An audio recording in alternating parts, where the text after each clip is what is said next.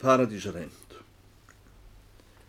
Átjánda kapitúla bókarinnar heldur en áfram með frásögnum af undrum og stórmerkjum í hinnu fyrirheitna landi sem þeim er tamast að kalla Guðsborg Síjón það er að segja Jútaríki. Smátt og stórt heldur áfram að sannfæra bondan leið nú að því að Runolfi presti þótti hann orðin nógu samfærður og fór að hugsa til að láta dífunum á hann en segir að hann tímir ekki að láta skýra hann upp úr venjulegri bæjartjörn þar sem voru öfuguggar ormar og pöllur sem byttum henni í fótinn. Hann segir að hann vil ljúka upplæringu steinars með því að fara með hann inn í höfuðborg trúarinnar sem er saltsjóstaður. Hvað svo sem glæringum þóknast að kalla þennan helgidóm meðalborga. Vil sína honum dýrðborgarinnar og fara síðan með hann á fund eins af öldungonum og láta vinna á honum mustrisverk. Þegar þér sjálfum hefur verið dýft ofan í eftir ritualinu, segir Raunullur prestur. Þá óttu heimting á að láta skýra framliðin ættingja þína, sem þér þykja nokkur sverðir, og láta dýfa þér onni einu sinni fyrir hvern.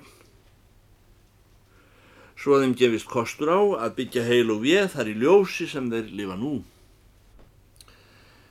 Kanski ég hripi upp nöfn þessara manna eh, svo við getum sótt um rekommend fyrir þá hjá öldungnum. Steinar bóndil hló með kjökri sem var síður hans í vandamálum segir eftir nokkra umhugsun að Horki var fadir hans nýmóðir í tölu þeirra sem honum tókti þurfa skýrn í ljósi þar sem þau byggðu nú. Því þau hjón vissi hann manna þolgóðust í módlæti og örgust að gera hverjum mann rétt taldi þau hafi verið sérdeilis yfirlætislaus hjón. Hvað hann sig mundu eiga langt í land áður hann yrði þess umkomin að bæta kjör slíkra sómahjóna hjá Guði. En, segir Steinar Steinsson, aðrir eru þeir mín rættmenn sem ég auki meirum en pápa minn og mömmu og vildi fúslega láta dífa mér onni aftur fyrir þeirra skuld í þó nokkra reysur. Er þar fyrstan að nefna ættföður minn Egil Skallagrimsson og langfæðga mína Noregskonunga og síðast en ekki síst Harald konung Hilditönn í Danmörku sem er fyrstur maður minna rættartölu. Saltsjóstaður er svo borga að þar verður að vísu hinn æðsti sannleikur nokkuð flókin á pörtum sem við erum að búast en einfaldar staðreindir verða þar ljósari enn í öðrum borgum. Það er ekki hægt að villast þar. Maður sér borgina alla í einu hvar hún liggur í skálsinni undir Vassoddsfjöllum. Hún er reist eftir undirstöðu greinum raukfræðinar og fyrstu myndónum í flatamálsbókinni. Þú veist æfinlega hvað þú ert stattur í þessari borg og þú veist um leið í hvaða átt aðri staði líka hér í borginni og hvað þeir eru langt frá þér. Það er svo borg þar sem áttirnar hafa ofinberast mannum fyrir óútskýranlegt kraftafur Guðsson áð. Manni nýkomnum úr landi þar sem þjóðin hefur orðið krept í njánum að ríða of lengi í þröngum gravgötum var fyrða þóunum miklaðist er Guð hafi meld svo fyrir í ofnbyrju ríti að göturnar skildu vera hér jafn breyðar og túnin undir hlýðunum. Var líklegt að strætin í þeirri borg Síjón á himni væru breyðari en þessi stræti síjónar á jörðu. Bóndin kunni betur við að mæla gödunar með því að stíga þær svo hann þyrsti horki að hafa ágiskannin í annar manna sögursögn um neitt. Þegar þeir félagar voru búin að stíga gödurnar á nokkrum stöðum og funduðar voru hverki undir 200 fetum íslenskum og breytt, þá settust þeir niður á rennustegin, þurfkaði af sér svitan og tók upp blad og blíjan og margfölduð breytt strætanna með lengt þeirra. Sér að Rönnólfur spyr hvort bondalangi ekki til að sjá húsi þar sem Bríkámur Jungi gemdi 27 konur sínar, sá maður sem markað hafi fyrir borginni eins og, eins og Guði vildi. E, því tók Steinar vel og sagði að ef rétt væri þá teldi hann ekki minna kraftaverk að eiga svo margar konur en stika út Guðsborg Síjón á jörðu. Þeir komið á laungu húsi smíðuðu úr timbri. Voru þar vissulega margar dýr á því húsi. Þessar dýr voru í röð eftir endilangri hús hliðinni. Það stóðst og á að upp úr þækinu ofan yfir hverjum dyrum var byggð lítil þverbust eða gafl eins og heitir á dönsku kvistur. Átti þar hver kona dingju sína með glugga. Allt var húsið stórsinnlega smíðað. Plankarnir í klæðningunni feldir hver við annan af nattni, síðan dreyið yfir með steinlit, ögn blámengunum. Allar höfðu dyrnar sama umbúnað og voru með samskonar dýraþrepum, 27 hurðar húnar af kopar og jafn margar skrár. Önduðu sér hverjar dýr svölum blæ með öngum manna þef, fingra för hver ekki sjáanlega á hurðunni lóku. Húsið var gætt einhverjum ólíkamlegum hreinleika af ættarni frostrósa eða jafnvel loftsína. Fyrir glukkum þverbustanna var sama hvíta hreina blæjan 27 sinnum. Og sem þeir bændur standa á veginum, halda niður í sér andanum og horfa á þetta sletta og þeigjandalega hreinleiks hús þóttust þeir vita að 27 konur væri að hlæja þeim bak blæju. Var ekki löst við að þeir færu hjá sér. Runolfur prestur hvíslaði. Þá skömm sér frá að segja, æfinlega þegar ég horfi á þetta hús, þá velum mér hugsa til skrimslisins sem gekk upp á fjörur í vestmannegjum í preskapartíð afa míns sæla. Það var allt einn hvelja.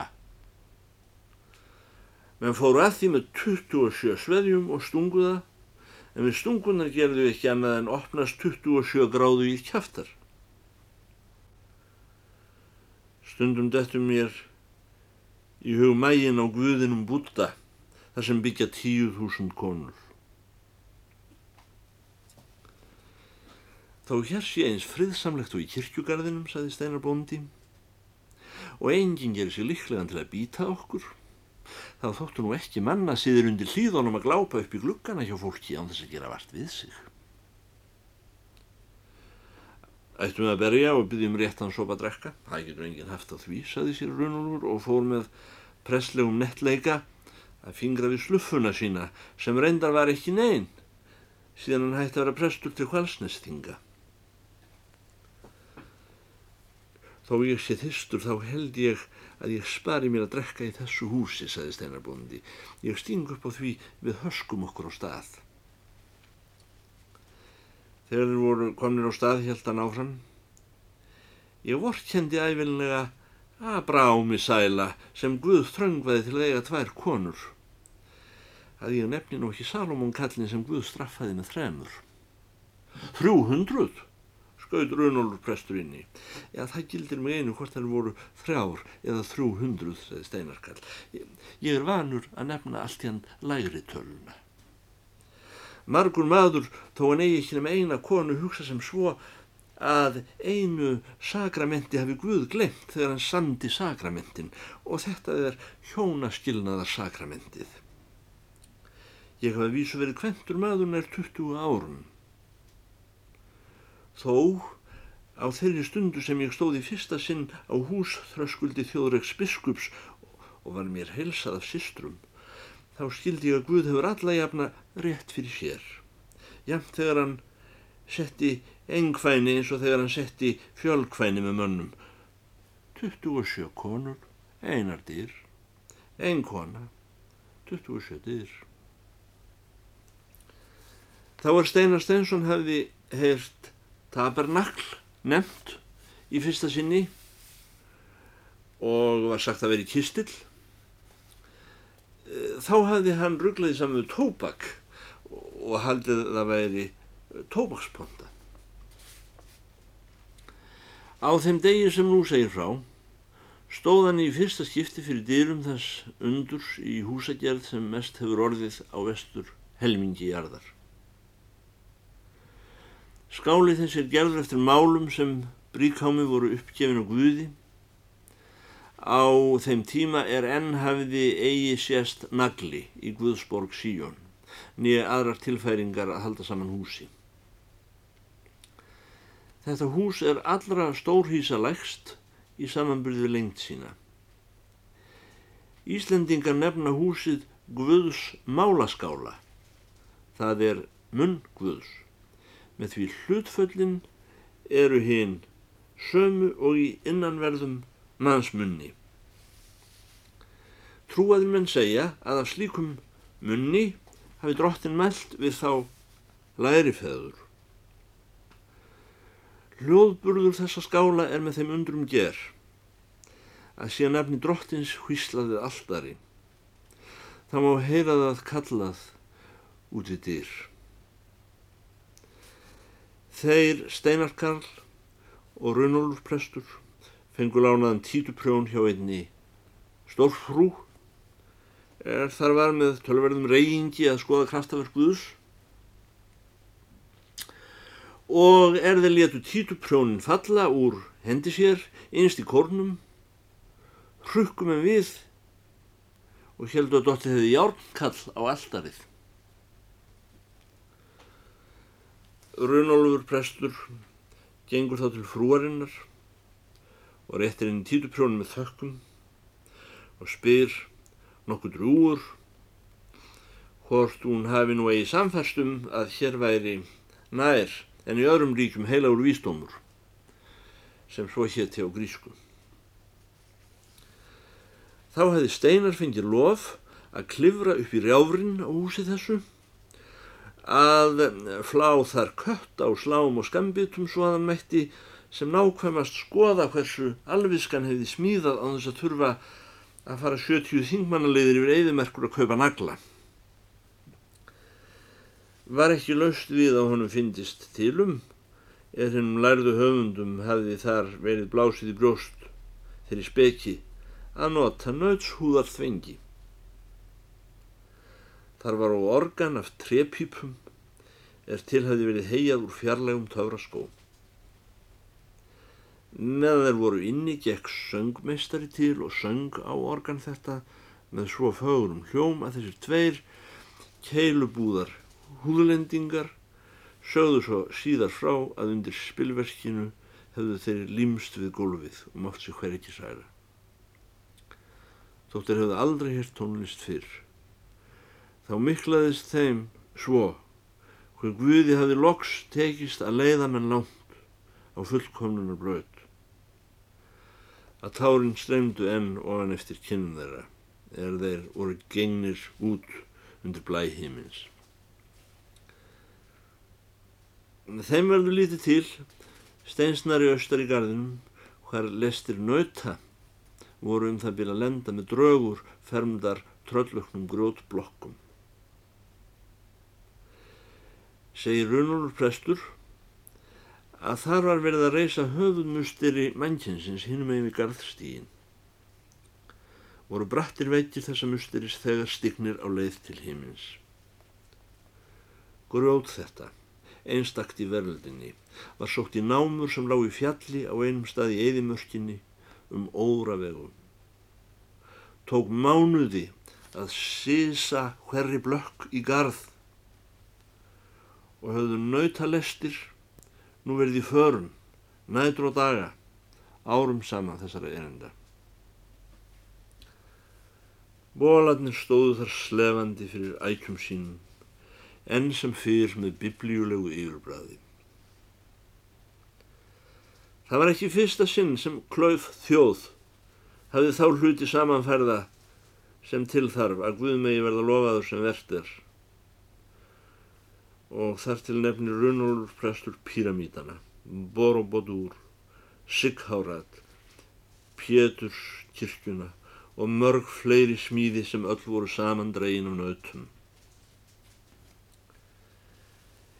Íslendingar þessir, tveir, horfðu lengi á nautin standa og ligna aftur augum í guðdómlegri upphafinni ró meðan þau býðu þess að jórtur tuggan goppaðist upp um vælendað.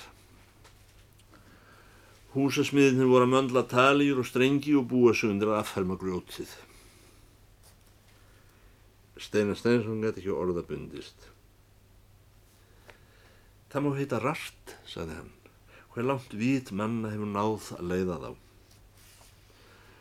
Og erfitt annum fylgja út metnum leiðtómum álum sem sínt hafa af sér út sjónasemi eins og þeir Jósef heitinn og Bríkhámur, sporgangumadur hans. Runolfur prestur hefur ekki augu sín af nautónum eins og einu sinni áður þennan dag sem sé þegar þeir höfðu horta á gablhúsið og klerkurinn hafiði tekið dæmi af skrýmslinu mikla í vestmannegjum þá hveður hann einnig nú upp úr með aðtúasemt sem var ögn eins og skrattin úr söðalegnum má vera að hér hafi verið fólkin líkill að þeim kynjum sem fáur skildu að svo ágætur klerkur skildi það eitt ennbætt til hljóta með helgum mönnum að gæta söðana 15 er ekki höfðu til síns ágætis utan feitarófu. Ekki miklast mér, segir Runolfur prestur. Hver langt viska manna hefur náða leiða þá, en það er hún ekki stór. Að hínu dáist ég hver langt fáviska þeirra og jafnvel sérdeilis himska þeirra að ég nú ekki segi fullkomin blinda þeirra hefur náða að lyfta þeim. Ber ég mig að fylgja fávisku manna að öðru jöfnu því hún hefur leitt á lengra en viskan.